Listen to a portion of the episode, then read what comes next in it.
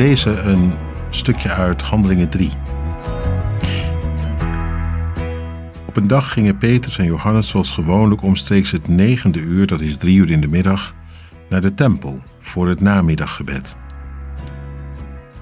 Men had ook een man die al sinds zijn geboorte verlamd was naar de tempel gebracht en hij werd daar elke dag neergelegd bij de poort, die de Schone heet, om te bedelen bij de bezoekers van de tempel.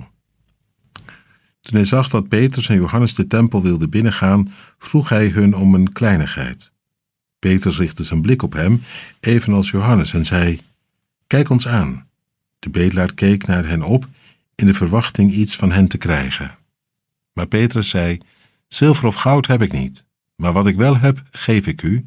In de naam van Jezus Christus van Nazareth, sta op en loop. Hij pakte hem bij zijn rechterhand om hem overeind te helpen. Onmiddellijk kwam er kracht in zijn voeten en enkels. Hij sprong op, ging staan en begon te lopen.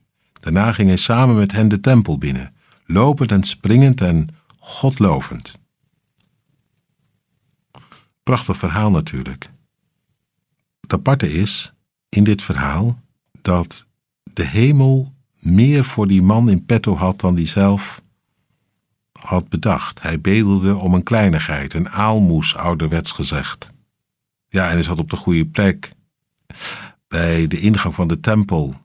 Nou ja, als je daar naartoe ging, kon je moeilijk om zo'n man heen. Dus daar ving hij waarschijnlijk het meest. Hij was een ervaren bedelaar. Hij was ook al van jongs af aan verlamd, vanaf zijn geboorte. Dus hij wist waar hij, waar hij wezen moest. En daar was hij ook die dag weer neergezet. Een mens raakt soms zo gewend aan dat wat er is. En heeft zo zijn eigen slimme tactieken om er wat van te maken. In die zin lijken we allemaal wel een beetje op die verlamde, of niet? Ik denk dat de man tevreden naar huis ging als hij weer net iets meer gevangen had dan hij had verwacht. Goeiedag.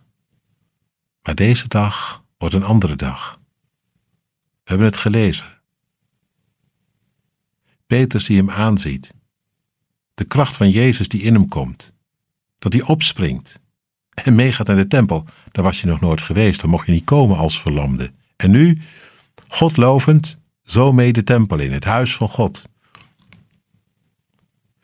Meer dan die ooit had kunnen bedenken die ochtend. Zo gaat dat als God voorbij komt. Dan krijg je iets wat veel meer is dan wat je voor jezelf had bedacht. Al je eigen tactieken om er een goede dag van te maken vallen erbij niet.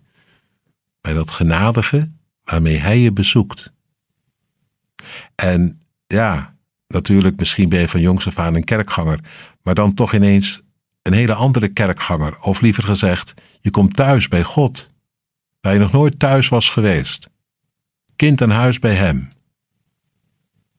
Heel anders dan daarvoor. Je springt en loopt. Ja, wat was je daarvoor eigenlijk? Zat je vast in je eigen ding. Dat wonder, dat wil gebeuren, steeds opnieuw, in allerlei variaties.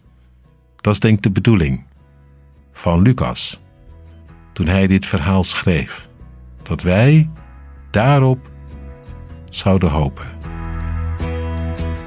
Voor onszelf voor anderen om ons heen.